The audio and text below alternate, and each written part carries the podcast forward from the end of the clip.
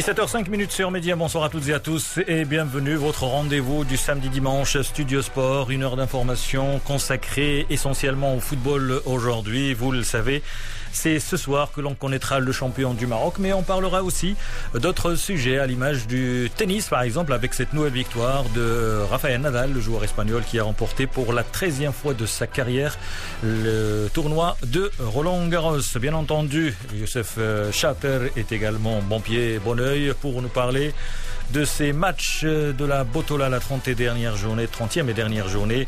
Qui sera champion Le Raja est en tête, le Wydad juste à côté, et puis également la renaissance de Berkane, même si l'équipe de l'Oriental a besoin d'un scénario on va dire irréaliste. سي يوسف مساء الخير مساء الخير حكيم مساء الخير لكل المستمعين الكرام طبعا يتجدد الموعد مع برنامج استوديو الرياضة هناك توتر كبير بين جماهير الوداد بين جماهير الرجاء الكل ينتظر هذه الجولة الحاسمة والأخيرة أيضا جماهير نهضة بركان ولو أن الأمور صعبة كما تفضلت حكيم في هذا العدد سنعود مستمعينا الكرام للمباراتين سنستمع لطارق شهاب المدرب المساعد لأنخيل جاموندي في فريق الوداد البيضاوي يتحدث لنا عن هذه القمة سنستمع أيضا لعلي معمر لاعب فريق الجيش الملكي الجيش الذي قد يحدد مصير هذا اللقب كما كان الحال حكيم سنة 2010 إن لم تخن الذاكرة Tout à fait, l'équipe de l'Aisfar qui avait battu le Raja lors de la dernière journée. Et autre coïncidence, il se trouve que le WAC affrontait le FUS de Rabat à Casablanca et le WAC avait remporté le titre de champion du Maroc aujourd'hui encore. Eh bien, lui rend visite au FUS de Rabat. La Renaissance de Berkane eh bien, aura un adversaire coriace sur le papier. Il s'agit de l'Olympique de Safi, même si depuis que l'Olympique de Safi a assuré son maintien en première division, eh bien, les dernières sorties n'ont pas été à la hauteur. Voilà donc pour le titre. On rappellera qu'en deuxième division, eh bien, c'est l'équipe de l'Olympique de Khribga qui accompagnera le Rajat de Benimel en deuxième division. Euh, plusieurs euh, joueurs responsables et également des supporters que nous allons écouter au cours de cette euh, édition. Mais il y a également, Youssef, le match, ou plutôt la Botola, la D2, avec deux équipes qui ont accédé à la première division ce week-end. شباب المحمدية والمغرب الفاسي في الدرجة الأولى بعد جولة أخيرة أيضا. مثيرة بما أن فريق أولمبيك تشيرا كان بدوره ينتظر هذه الجولة من أجل حسم الأمور. لكن في الأخير المغرب الفاسي تغلب على وداد تمارا بملعب الحسن الثاني بفاس. وشباب المحمدية فازت على أرضها على فريق الاتحاد البيضاوي لتصعد للدرجة الأولى. في هذا العدد سنستمع لرئيس رئيس فريق شباب المحمدية وأيضا لعميد ألماس. أنس عزيم سيكون معنا في هذا العدد للحديث عن جديد الفريق في الأسابيع الأخيرة. كيف عانى كثيرا قبل أن يضمن الصعود إلى الدرجة الأولى. حكيم أيضا سنتحدث عن رياضة كرة المضرب. شيئا ما عن باقي الرياضات إن كان هناك متسع من الوقت دون أن ننسى فقرة قاموس الرياضة مع الزميل وديع وحتي Le football, bien sûr, c'est le jour du titre qui succédera au palmarès au Wydad de Casablanca. On rappellera que Média vous propose chaque jour, vous le savez, du lundi au vendredi, euh, Mayadine de 9h à 9h30 pour évoquer justement le football euh, maghrébin, africain et d'autres disciplines. Et puis, le rendez-vous du football euh, européen, c'est euh, chaque soir, du lundi au vendredi, avec le vestiaire, 17h30 et 18h avec tous les consultants. Mais aujourd'hui, l'événement, bien entendu, on a parlé de la victoire de Nadal à Roland Garros, mais c'est le football euh, qui est à la une de l'actualité. Le football marocain, c'est le championnat peut-être le plus long avec une saison un peu particulière. Eh bien, le Wydad de Casablanca tente de conserver son titre et ça sera difficile, mais c'est faisable, Youssef, parce que le WAC joue, on va dire, libéré par rapport au Raja, dont les joueurs sont euh, sous une pression, et on l'a vu lors de la dernière sortie face à l'OCK. عادة الفرق التي تكون مرشحة للفوز وللتتويج في الجولات الأخيرة عادة ما تتعثر في جميع الدوريات بالنسبة لهذه الفرق. يكون هناك ضغط ويكون هناك تركيز أكثر عليها مما هو على المنافس الذي يلعب بأكثر راحة. الوداد البيضاوي مرشح شأنه شأن فريق الرجاء. سيلعب مباراته أمام الفتح من أجل تحقيق الانتصار. الانتصار لكن أيضا ينتظر تعثر الرجاء البيضاوي أمام الجيش الملكي. طارق شهاب المدرب المساعد هو من يقود فعليا الوداد من حافة الميدان بما أن الجامون ديال الأرجنتيني سيكون الموسم المقبل على كرسي احتياط الوداد البيضاوي. الآن هو بصفة المشرف العام وطارق شهاب هو المدرب. نستمع لطارق شهاب. بطبيعة الحال يعني المباراة المقبلة إن شاء الله. الاستعدادات غادا تكون كما كما كيسبق لي وكنقول دائما في التصريحات هو أنه الاستعدادات كتكون نفسها لأن المباريات بالنسبة لنا كلها عندها نفس القيمة ونفس الطريقة ديال الاستعداد. يعني الخصوم كلها كناخذوها بجدية يعني وبكل احترام. كنظن على أن المباراة بطبيعة الحال هي مباراة مصيرية ولكن آه، غتبقى مباراة غادا تلعب في 95 96 دقيقة. يعني الاستعدادات غادا غادا تمشي بطبيعة الحال آه، نفس الطريقة إلا أنه كما كتعرفوا يعني بهذا المباريات اللي اللي كتجرى كل أحد واربعاء يعني الاهتمام كيكون آه، غالبا يعني عند جميع الفرق على الجانب البدني لأنه خاص تسترجع اللياقة الثروه البدنية عند اللاعبين. هذا هو الشغل الشاغل ديال أي مدرب كيكون بطبيعة الحال بالتنسيق مع الطاقم الطبي لأنه هو اللي كيكون آه، كيدير الفارق في حاله ما إذا كان عندك طاقم تقني الطبي في المستوى العالي. كنظن على أنه المباراة آه، كما قلت هي مصيريه ولكن كتبقى مباراة كرة القدم اللي غتلعب بين جوج ديال الفرق اللي كيقدموا يعني مستويات جيدة. بطبيعة الحال غتكون الغلبه بالنسبة للفريق اللي غادي يعني يخدم على الجزئيات ديالو. طبعا هناك ضغط آه، كبير على الفريقين سواء الوداد أو آه، فريق الرجاء طارق شهاب.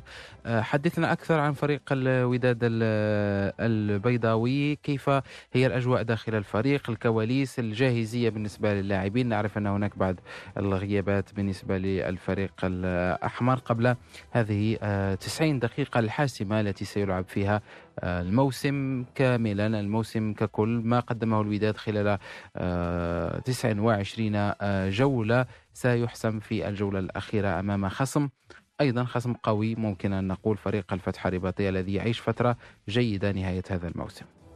اللاعبين آه، سواء عند فريق الوداد الرياضي أو عند الفرق الأخرى يعني كاين عندهم واحد شوية ديال الإجهاد والتعب جراء المباريات المتسلسلة اللي جراوها بطبيعة الحال آه، كاينين غيابات كاين لاعبين اللي يتعرضوا للاصابات آه، يعني في اللقاء الأخير. ساعة غنتسناو آه، الفحوصات اللي اللي النتائج ديال الفحوصات اللي تجرات اليوم باش نعرفوا مدى الجاهزية ديال اللاعبين. وبطبيعة الحال نحاولوا بالأحرى الطاقم الطبي غادي يحاول يعمل مفجدو باش نقدروا نسترجعوا آه، أكبر عدد ممكن من اللاعبين باش نقدروا نجريو المباراة ديالنا في أحسن الظروف وبطبيعة الحال باش تكون الحظوظ كاملة عند فريق الوداد الرياضي اللي بطبيعة الحال كيحاول أنه يعني يجري المباريات ديالو بمستوى مزيان اللي اللي يرضي بطبيعة الحال الجمهور الودادي وبالتالي تكون حتى النتيجة يعني تكون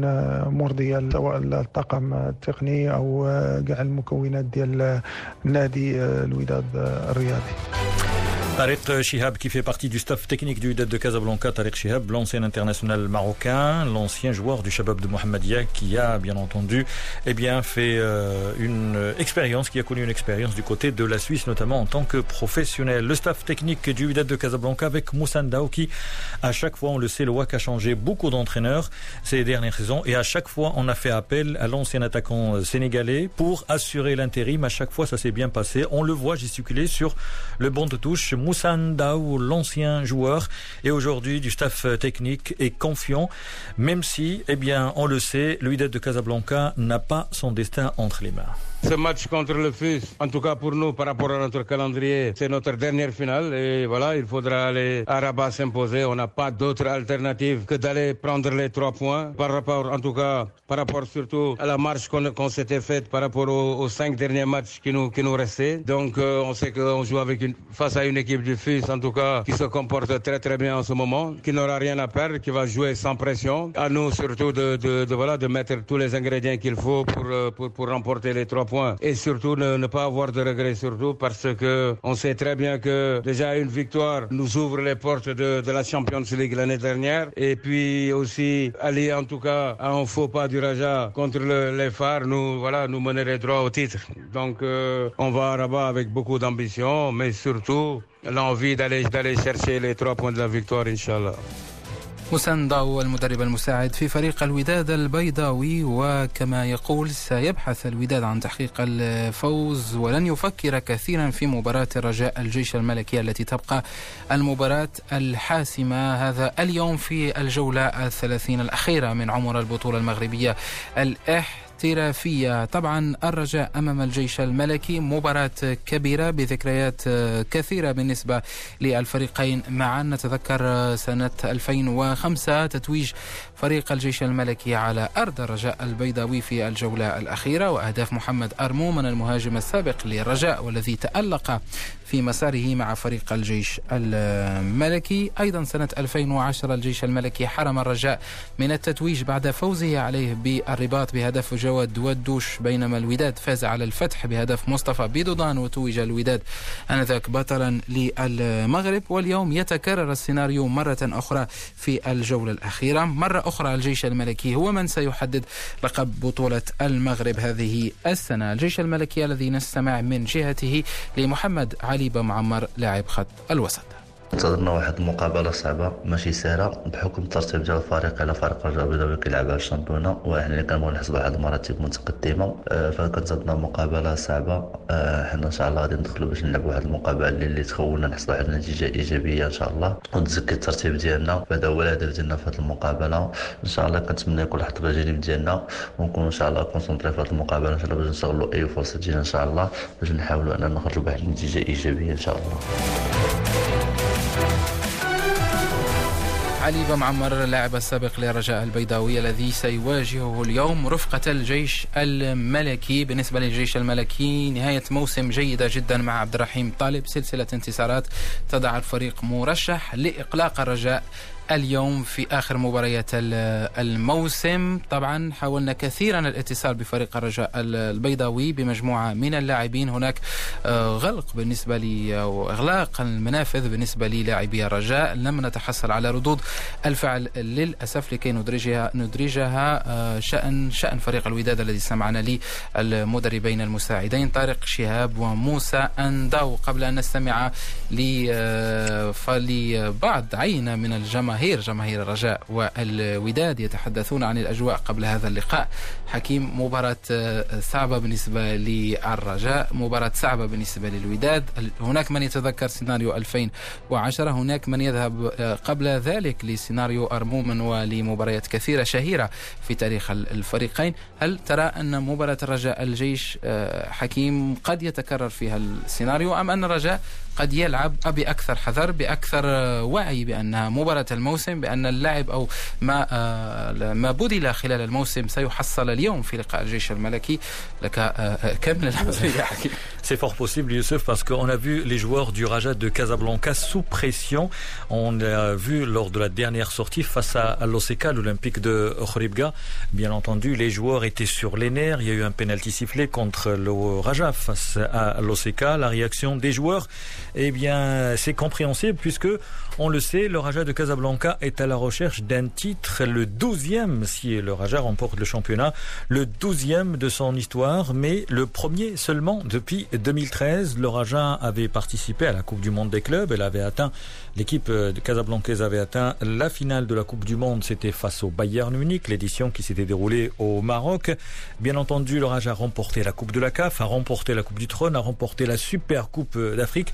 Mais on le sait, le titre de champion du Maroc a une valeur particulière et c'est aussi la régularité d'un club, une équipe qui est championne. Et eh bien forcément, elle a été la meilleure, en tout cas supérieure par rapport aux autres.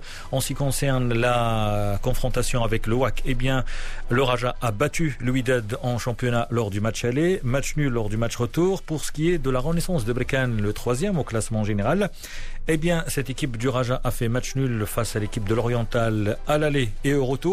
Donc c'est une équipe euh, qui est en tête, euh, qui méritait, bien sûr un classement mérité, mais sauf que le Raja aujourd'hui est amoindri, handicapé par l'absence de plusieurs euh, joueurs. Euh, si on prend les internationaux congolais qui sont pas là, avec notamment Malongo, l'attaquant, eh bien ils seront tenus par la sélection congolaise qui est actuellement en stage au Maroc.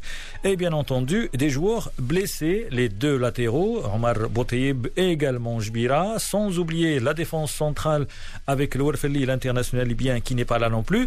Il est blessé. Voilà donc pour la défense remaniée sans oublier le milieu terrain. Et puis, on oublie peut-être un joueur qui s'appelle Abdrahim Shakir, un joueur polyvalent, un joueur qui est capable de jouer en milieu terrain, qui peut jouer en milieu, en défense centrale et également latéral droit. Et on le sait, le Raja déjà privé de Douik, de Omar Boutaïb. Donc, eh bien, ça sera autour du jeune euh, plutôt un jeune arrière latéral qui a raté un but tout fait l'autre jour. Mais le Raja est privé de plusieurs joueurs cadres et cela peut peut-être jouer dans la tête des joueurs. طبعا الغيابات الكثيرة التي يعاني منها فريق الرجاء البيضاوي تضع ثقل آخر على مجموعة من العناصر التي ستدخل اليوم من أجل تحقيق نتيجة جيدة. نعرف كما قلت حكيم مذكور سيكون عليه هناك ضغط. أيضا حداد الذي لا يلعب كثيرا سيجد نفسه اليوم إلى جانب بنون في الدفاع. وهناك أسماء أخرى. هناك ثقل آخر على الحفيدي متولي.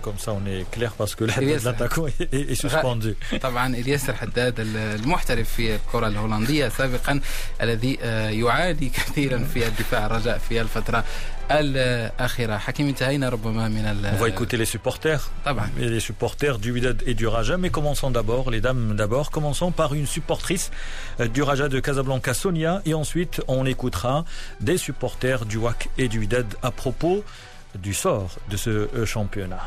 Je suis contente que le Raja soit arrivé à l'étape d'aujourd'hui. Euh, après de longues années d'attente. Euh, ce match s'avère prometteur vu que, vu que le Raja, justement, il a déjà gagné contre euh, et contre Berkane. Donc, euh, je suis très, très optimiste et je, je, souhaite bon courage à tous nos joueurs et je leur dis que leurs supporters, ils sont toujours là pour eux. Vive, vive le Raja. Voilà, on rappellera que les supporters ne seront pas là puisque la suite du championnat se déroule à huis clos. Voilà donc pour Sonia. Eh bien, on va voir en ce qui concerne les supporters pour le Raja et pour le Widad, n'est-ce pas, Youssef? طبعا حكيم رغم غيابهم عن الملاعب في الفترة الأخيرة إن جمهور الوداد وجمهور الرجاء يحافظ على هذا العشق المجنون لفريقي سواء الفريق الأحمر أو الفريق الأخضر. نستمع لعينة سريعة من عشاق الوداد والرجاء بخصوص هذه الجولة الأخيرة الحاسمة. هو بالنسبة للتوقعات ديالي أنا كنظن أن فريق الرجاء البيضاوي ما يتنازلش على هذه البطولة ما يتنازلش على البطولة لأن المصير ديالو بين الرجلين ديالو غيلعب الكرة وينتصر غيدي البطولة ما يتسناش الماتش ديال الرباط. أنا كودادي طبعا نبغي الوداد تدي اللقب. هذا العام الظروف استثنائية. كنا كنتمناو يكون يكون زعما مازال الجمهور حضور جماهيري كيعطي واحد الاثاره واحد المتعة. هذا العام اللقب غيتلعب حتى للدوره الأخيرة وهذا شيء جميل. كما تنقولوا الرجاء اللقب بين يديها لأن يكفيها انها تربح. وصافي. Voilà donc pour les supporters, le WAC a besoin de victoire et attendre euh, une défaite du Raja, voire un match nul. Mais on oublie aussi qu'il y a une autre lutte, Youssef, c'est que si la Renaissance de Berkane a une chance infime, très infime de remporter le championnat, n'empêche, la Renaissance de Berkane espère un faux pas du WAC pour terminer deuxième et participer à la Ligue des Champions, ce qui, ce qui serait une première pour l'équipe de l'Oriental. طبعا والفرق بين نهضة بركان الوداد هو نقطتين في حال خسارة الوداد أو حتى التعادل ممكن فريق نهضة بركان أن يلعب دوري أبطال إفريقيا الموسم المقبل وهو الذي يواصل طريقه في مسابقة كأس الكونفدرالية الإفريقية على أي بعيدا عن الرجاء والوداد. عدة أمور حدثت هذا الموسم سواء في أعلى ترتيب في أسفل الترتيب حيث ودعنا أولمبيك خريبكا ورجاء بني ملال. لكن هذا الموسم حكيم خصوصا نهاية الموسم استمتعنا كثيرا بأهداف إبراهيم البحراوي لاعب فريق سريع واتزم الذي بلغ الهدف رقم 16 رقم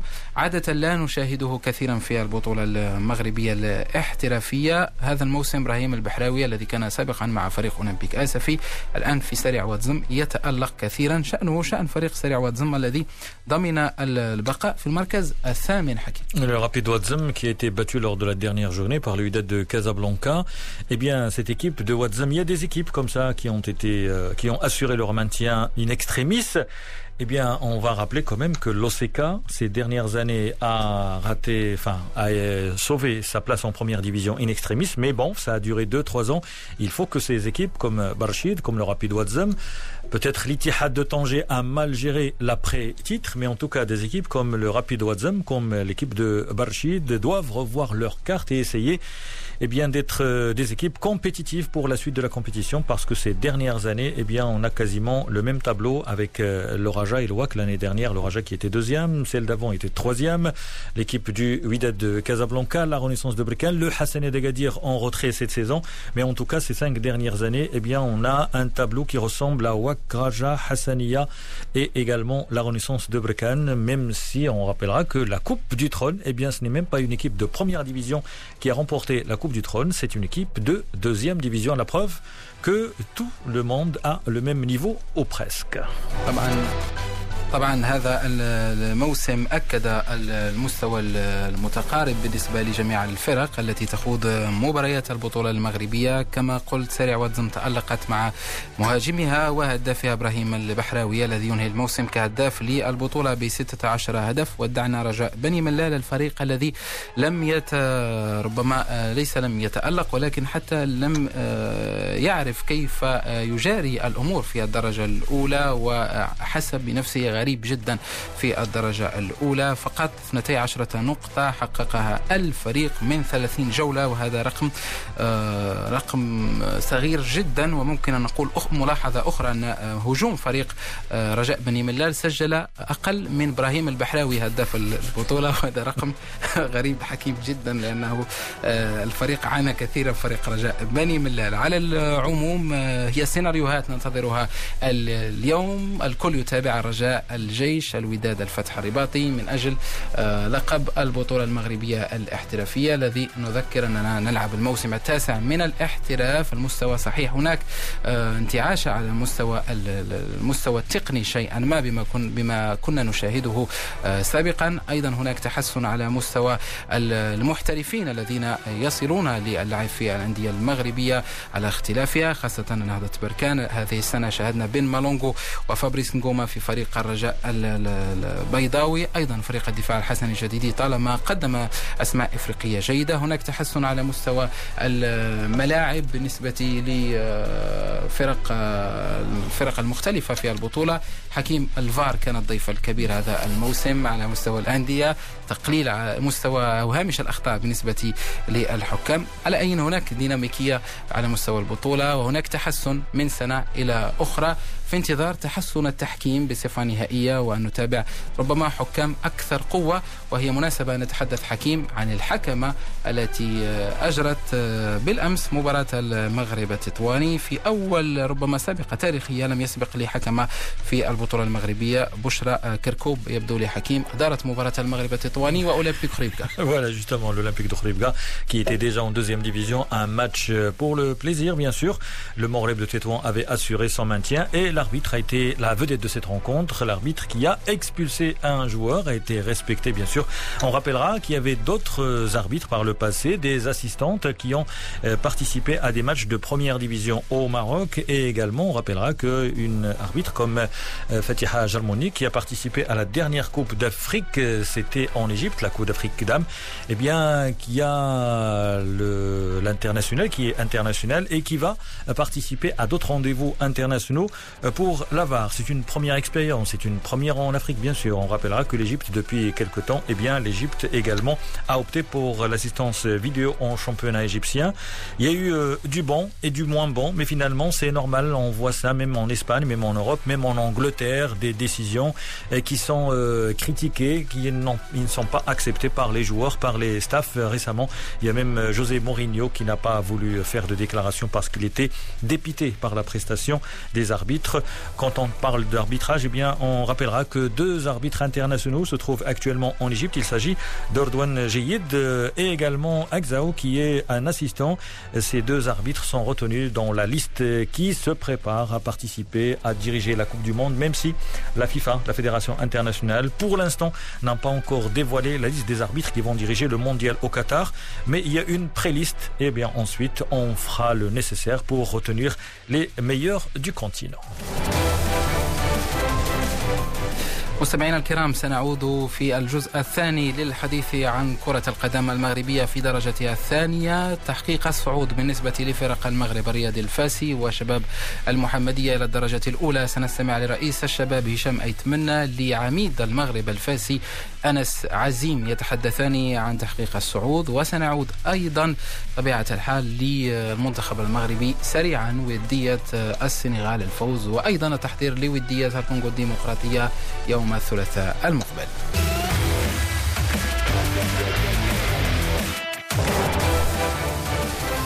الخامسة والدقيقة الرابعة والثلاثون أنتم في الاستماع لميديا وهذا الجزء الثاني من برنامج استوديو الرياضة. تحدثنا في الجزء الأول عن البطولة المغربية الاحترافية في جولتها الأخيرة ورصدنا ردود الفعل الخاصة بجماهير الوداد الرجاء بالمدرب المساعد والمدربين المساعدين لفريق الوداد موساندا وأيضا طارق شهاب. وتحدثنا رفقة حكيم تميم بإطالة عن المباراة مباراتين سواء مباراة الرجاء أمام الجيش أو الفتح أمام الوداد. ولن ننسى كما قلنا فريق نهضة بركان الذي يراهن أكثر على احتلال المركز الثاني وعلى المفاجآت إن جاءت في الجولة الختامية من أجل تتويجه باللقب. في الجزء الثاني نستهل حديثنا مستمعينا الكرام بفرق الدرجة الثانية أو هي صارت الآن فرق الدرجة الأولى شباب المحمدية والمغرب الرياضي الفاسي بعد تحقيقهما للصعود. سنبدأ مع فريق شباب المحمدية مدة طويلة للشباب في الدرجة الثانية. سنوات كثيرة قضاها الفريق في الدرجة الثانية. الآن ينهي هذا الغياب ويعود مرة أخرى آه، إلى الدرجة الأولى بعد آه، فترة أو موسم ناجح آه، جدا بالنسبة لفريق شباب المحمدية. ختمه بانتصار كبير على الاتحاد البيضاوي واقتطع بطاقته إلى الدرجة الأولى. رئيس الفريق هشام أيتمنى كان ضيف برنامج استوديو الرياضة رفقة زميل وديع وحتي نستمع إليه. الصعود كان طويل لأنه كانت الدورة الأخيرة وما ننساوش أنه الموسم هذا العام كان موسم استثنائي اللي طويل. كنا كنا زعما كنا زعما منتظرين أنه الصعود غادي يكون صعب لأنه كتشوف الفرق اللي كانت منافسة على الصعود في بداية الموسم على الأقل واحد خمسة الفرق اللي كانوا منتظرين باش يلعبوا ال maximum على الصعود. بالنسبة لنا إحنا ما كانش موسم سهل لأنه on misait sur des jeunes اللي عندهم مهارات كبيرة ولكن كتبقى ديك l'expérience اللي كانت ناقصاهم ولا ديك supporter la pression داك الضغط اللي كيكون عليهم donc اثر شوية كثير مع العلم انه حتى حنا بالنسبة للاطار التقني كانوا جوج تغييرات اللي ما متعودينش أنا كمسير انني نغير الطاقم التقني في وسط العام ولكن حنا كنا عارفين بما وكنا تايقين بما ما غاديش يكون شي تاثير سلبي على النتيجه وعلى le projet وعلى l'objectif اللي كنا درنا طيب سي هشام يتمنى أكيد بأن الفرحة مستحقة بعد الفوز على الاتحاد البيضاوي. اذا في آخر مواجهة بثلاثة أهداف لهدف واحد وتصدر اذا القسم الوطني الثاني. أكيد بأن الآن حان الوقت. منذ آه، ربما الآن ربما بدأتم حتى قبل الصعود في التفكير في الموسم المقبل وهذا هو الأهم لأن حسابات القسم الأول سي هشام يتمنى تختلف بشكل كبير عن القسم الثاني. الأمر يتطلب انتقالات قوية يتطلب مجموعة آه، في دكة الاحتياط ومجموعة رسمية في المستطيل الأخضر. ما الذي يعده المكتب المسير لفريق شباب المحمدية للموسم المقبل لكي لا يتكرر سيناريو الفرق التي تصعد وتلعب موسم أو موسمين وتعود إلى غياهب القسم الثاني وحتى أقسام الهواة هو استعداد première division البطولة الأولى. ماشي يلاه دابا غادي نبداو فيه. حنا الاستعداد راه بدأ هذه سنه قبل ما نطلعوا لل deuxième division بدا الاستعداد لأنه شحال من لاعب اللي كنا تعاقدنا معاه وبقى معار شحال من لاعب تعاقدنا معاه هاد هاد السنة نيت وبقى في الفريق ديالو في انتظار آه، الصعود ديالنا. donc c'est normal مازال باقي خاصنا quelques postes. ما غاديش نتخلاو على اللعابة اللي داروا هذا الإنجاز. راه إلا شفتوا في اللعابة اللي اللي كانوا في l'équipe هذا العام عندنا شحال من لاعب اللي لعب معنا deux divisions en amateur donc عندنا ثمانيه لعابة اللي جاوا معنا من الهوات لعبوا معنا سنتين في الهوات. ولعبوا هذا العام في ال professionnel والحمد لله الفريق معاه طيب سي هشام يتمنى الجماهير ديال الشباب المحمدي تطرح سؤال هل بالفعل تم حسم بعض الصفقات بشكل آه، شبه نهائي إلى جانب صفقه مرابطه التي حسمت منذ وقت سابق؟ هو شوف نقول لك كيف ما اعطينا اعطينا إجازة اللعابه حتى اليوم الخميس حتى حتى الإدارة وحتى المسؤولين غادي ياخذوا ما غاديش ياخذوا أسبوع ولكن غادي ياخذوا غير ثلاث أيام ديال الإجازة وإن شاء الله كنوعدكم باش ابتداء من يوم الثلاثاء إن شاء الله غادي يبداو يبانوا لكم الصفقات اللي كنا حسبنا ولا كانوا تقريبا تحسبوا طيب بخصوص حميدة حداد طرح سؤال حول حميدة حداد والمفاوضات هل من جديد بخصوص هذا الملف؟ لا كيف ما كنت صرحت آه، المفاوضات آه، بخصوص حميده حداد كانت توقفت لأنه شي شروط حنا ما كناش تقبلناهم ويمكن جاو شي عروض أخرى آه، أحسن من العرض ديالنا. donc aujourd'hui ما كاينش شي حاجة. bon porte n'est pas fermée الباب ماشي مغلوق ولكن حتى الساعة y a pas d'avancement sur le dossier هشام يتمنى رئيس فريق شباب المحمدية. مشروع كبير لهذا الفريق الطموح الذي ينتظره موسم صعب في الدرجة الأولى ويجب عليها التكيف جيدا مع الأجواء في الدرجة الأولى كي لا يكون أيضا محط أنظار كما كان فريق رجاء بني ملال سريع سريعا ما تتأثر الفرق بالرتم وبالنسق وتفقد مكانها في الدرجة الأولى. نواصل دائما مع الفرق الصاعدة أنس عزيم عميد فريق المغرب الرياضي الفاسي. تحدث معنا قبل آه، قليل عن هذا الصعود إنجاز تاريخي بالنسبة لفريق المغرب الفاسي بعد أربع سنوات في الدرجة الثانية. الماس يعود من جديد إلى الدرجة الأولى. أنس عزيم كان ضغط كبير كان آه، واحد الضغط خيالي أنه من من تعيش الفريق واحد تعيش واحد المدة في القسم الوطني الثاني اللي هي ماشي بلاصتو الجمهور آه، ولا عام على عام تيزداد الخوف ديالو. كل ما تتكون تعثر في البداية أو في الوسط تيظن أو تامن باش تعاود عليه تعاود عليه نفس السيناريو أنه ما غاديش يطلع. الحمد لله. الفرحة كانت تتوازي الضغط وتتوازي آه، التعب اللي اللي تعبنا. الفرحة بصراحه حنا تنفرحوا الفرحه ديال الجمهور وفرحة ديال الفرحة ديال الناس اللي تيبغيو الفرقة من القلب. الحمد لله آه، خرجنا الجمهور. كما قلتي رغم رغم الوضع آه، الصحي في العالم كامل. الحمد لله فرحناهم ورجع الفريق. هو ماشي صعود لكن الرجوع للمكان الطبيعية ديالو. طبعا على مدار الموسم أنس أكيد أنكم عشتم جميع الأحاسيس في فترة من الفترات. المغرب الفاسي كان بدا بقوة. هناك بعض التعثرات تغيير المدرب في الأخير قدوم عبد اللطيف جريندو بعد منير الجعواني وتتمه الموسم في أمثل الظروف. رغم نتذكر قصة النقطتين وما صاحب مباراة شباب الريف الحسيمي. موسم صعب هل أحسستم في نقطة ما أن الفريق قادر على العودة للدرجة الأولى وأن لديكم ربما مفاتيح الصعود في في أيديكم كلاعبين هذا الموسم أم أن ربما المتغيرات في الجولات الأخيرة هي من أعطت أكثر ثقة وأكثر رغبة بالنسبة للاعبين من أجل العودة؟ كما قلت أنه كان كانت متغيرات كثيرة هذه السنة بدينا بسي سمير يعيش اللي مشكور اللي هو اللي صار على على آه، مجموعة جمعة واحد بواحد آه، كنا كانت الأمور ما متمشاتش في الأول حقاش كانت مشاكل كثيرة خصوصا في استقبال أرضية الملعب ديالنا كنا محرومين من الجمهور. آه، جا جواني عطى اللمسة ديالو. الجمهور حتى هو عطى عطانا قوة وعطانا وعطانا دفعة اللي هي كبيرة من من دخل ملء جنبات الملعب. أكبر إحنا أكبر فريق تضرر من من فترة كورونا. أنه من تكون متصدر طاح لنا الخبر ديال جوج نقاط كالصاعقة. من بعدها تصابوا مجموعة من اللاعبين ديالنا بهذا الفيروس اللاعين التعثرات كانت كانت كثيرة. وإنما الحمد لله كان واحد الاختيار اللي هو اللي هو ممتاز الاستثماري الجامعي بقدم ديال الحاج عطيه جريندو اللي عرف كيفاش يدبر ويتعامل بحكمة في هذه المرحلة. والحمد لله من اللقاء الأول ديالنا حسينا وآمنا أننا إن شاء الله غادي نساعدوا دينا كما تنقولوا الأمور بيدينا. الحمد لله داك الشيء تاكد أنه في اربعه ديال اللقاءات خدينا 10 نقاط من 12 نقطة.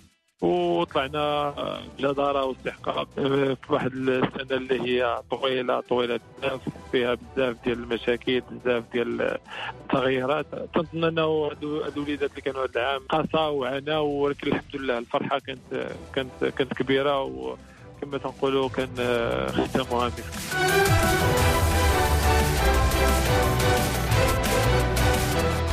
17h44 sur Média, retour sur le match amical disputé vendredi à Rabat entre le Sénégal et le Maroc. Euh, les Lions de l'Atlas se sont imposés 3 buts à 1, des buts d'Ansairi, Youssef Al-Arabi de retour et également un joueur euh, qui a bien sûr ouvert euh, la marque. oui, Salim Amlah. Ah oui, non, je, voulais, je croyais que vous vouliez dire quelque chose. Amillah qui ressemble dans son jeu à Youssef Chater, même si Youssef garde trop le ballon quand on joue au football. Donc 3 buts à 1 pour l'équipe du Maroc en attendant la deuxième sortie. On a écouté hier et aujourd'hui d'ailleurs Halilodzic, le sélectionneur de l'équipe du Maroc au Sénégal. Cette défaite n'a pas fait plaisir. Il y a eu des critiques à l'égard d'Aliou Sissé, le sélectionneur de l'équipe euh, sénégalaise. Eh bien, les observateurs pensent que cette équipe du Sénégal, qui a un énorme potentiel, gagne face aux petits et perd face aux grands. Des critiques euh, difficiles en attendant le match amical de mercredi prochain. Ça sera face à la euh, Mauritanie. Aujourd'hui, le Sénégal n'a pas mis la manière dans ce match parce qu'on n'avait pas les arguments pour rivaliser. On a les joueurs, on a le talent, mais on n'a pas la science tactique. On n'a pas vraiment le bon discours. On n'a pas les bons placements. C'est l'équipe nationale du Sénégal qui est comme ça, sous l'air à l'UCC on ne peut pas gagner face aux grandes équipes. On est fort contre les faibles et faible contre les forts. Et ça, c'est pas normal. C'est pour dire que le Sénégal est limité. Voilà, des critiques un peu difficiles. On rappellera que le Sénégal a été finaliste de la dernière Coupe d'Afrique des Nations, défaite face à l'Algérie. Et également, au classement euh, de la FIFA, le Sénégal arrive en tête. On rappellera que le Sénégal était privé de pas mal de joueurs. Mandy, le gardien, parti à Chelsea. Il s'est blessé mercredi pendant une séance d'entraînement à Rabat. Sadio Mané également, la star de Liverpool, testé positif. Et également euh, Koulibaly, le défenseur de Naples. Deux joueurs, enfin trois joueurs qui sont importants dans cette sélection euh, sénégalaise. On va la direction de l'Oriental pour parler du centre de formation de la Renaissance de Brecan, le coordinateur, euh, le directeur général de ce centre de formation. Il s'agit de David Boulanger. Il nous parle euh, comment ça fonctionne et également la stratégie pour donner un coup de pouce au football dans la région. Il répond à Ali Salahdin. C'est un projet qui a été conçu et voulu par le club depuis plusieurs années. Il fallait faire des constructions. Donc là, nous sommes en une phase de détection. Le centre ouvrira euh, officiellement la semaine prochaine avec toutes ces classes pour études puisque nous avons fait 12 classes pour études, 3 au collège, 6 au lycée et 3 à l'OFPPT, ce qui nous permet d'avoir euh, plus d'une centaine de joueurs sous régime sport-études. Ils vont à l'école le matin et l'après-midi, ils ont entraînement tous les après-midi. Il y a certains jours, il y a double séance. Ça nous permet d'avoir un volume hebdomadaire qui soit conséquent pour pouvoir former des joueurs de haut niveau. On pourra avoir euh, plus de visibilité les saisons prochaines. Qu'en est-il des, des principaux objectifs du centre de formation vis-à-vis des jeunes euh, d'ici aux, années à venir bah, L'objectif d'un centre de formation, c'est de sortir des professionnels, de sortir des joueurs issus de notre formation euh, qui puissent accéder à l'équipe professionnelle. Pour ça, il y a un gros travail offert au préalable. Gros travail parce que le club maintenant fait partie des, meilleures équipes marocaines et régulièrement en mi-finale de la Coupe de la CAF. Donc c'est vrai que le niveau est très élevé et nous, notre objectif, c'est de former des joueurs pour intégrer cette équipe au très haut niveau et pourquoi pas gagner le titre dans les années futures.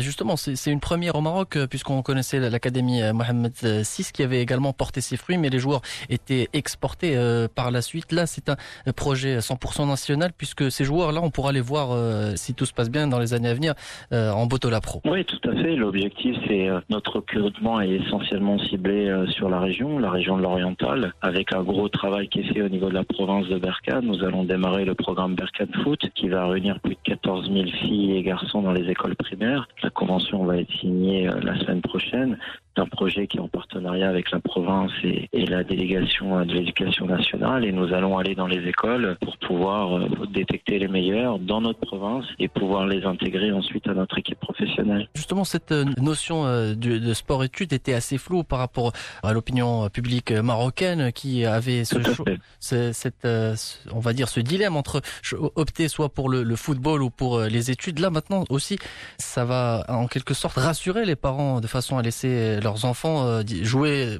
à des âges plus avancés au football. Oui, tout à fait. C'est vrai que les parents ont été extrêmement surpris du discours que j'ai pu leur tenir. Moi, l'école a énormément d'importance. Euh, le football était également un vecteur social important pour donner euh, à ses enfants une vie encore meilleure, mais l'école, l'école l'a toujours fait. Donc, moi, j'attache énormément d'importance à l'école. C'est pourquoi j'ai créé ces classes pour études en un temps record, puisque arriver à créer 12 classes pour études avec des horaires aménagés et pouvoir s'entraîner aussi bien au foot tous les jours qu'aller à l'école, c'était un, gros projet surtout le nombre de classes que nous avons. Nous allons devenir le premier pôle sport-études du royaume, donc ça c'est une grande fierté pour le club de la RSB et ce qui assure aux parents d'avoir euh, une formation de football de très haut niveau et d'élite, mais également pouvoir suivre les études de façon optimale et primordiale. Pour nous, c'est primordial. Et c'est tout bénéf pour la Renaissance sportive de Balkan qui cette année euh, lutte pour le titre. L'équipe pourrait s'installer parmi euh, les, pionniers de la Botola Pro. C'est l'objectif. C'est vrai que ce centre a été créé pour cette raison. Nous souhaitons avoir des joueurs de notre province au sein de l'équipe professionnelle, pouvoir amener des joueurs que nous avons fermés, que nous connaissons depuis plus jeunes et qui ont l'amour du club. C'est très important. Nous voulons pas jouer des joueurs qui viennent de l'extérieur et jouer un an, deux ans trois ans selon leur carrière. C'est vrai que nous avons un groupe formidable au sein de l'équipe professionnelle, un très très bon groupe qui performe depuis plusieurs saisons maintenant. Si nous arrivons à intégrer quelques jours notre formation, ça permettra d'encore passer un échelon et, et permettre au club de passer un palier supplémentaire. إذا نصل مستمعينا الكرام إلى آخر الدقائق التي ما زالت في جعبتنا في هذا العدد من برنامج استوديو الرياضة لنتطرق كما هو الشأن كل يوم أحد للفقرة الخاصة بزميل وديع أحتي الذي يعرفنا عن مصطلحات رياضية في كل أسبوع. قاموس الرياضة يتطرق هذا الأسبوع لكلمة التيكي تاكا التي عرفت في برشلونة مؤخرا. وديع أحتي.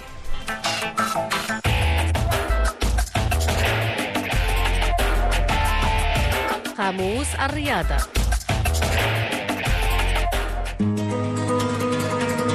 كان طفلا يتسلق جدران ملعب تدريب فريقه المعشوق أياكس أمستردام. حينها في عمر الثامنة لم يكن يعلم النجم الهولندي يوهان كرويف أنه سيصل قمة المجد لاعبا ومدربا. فعيناه آنذاك كانت ترسم ربما خريطة فلسفة كروية جديدة ستغير الشيء الكثير في عالم الساحرة المستديرة وستحمل فيما بعد اسم تيكي تاكا.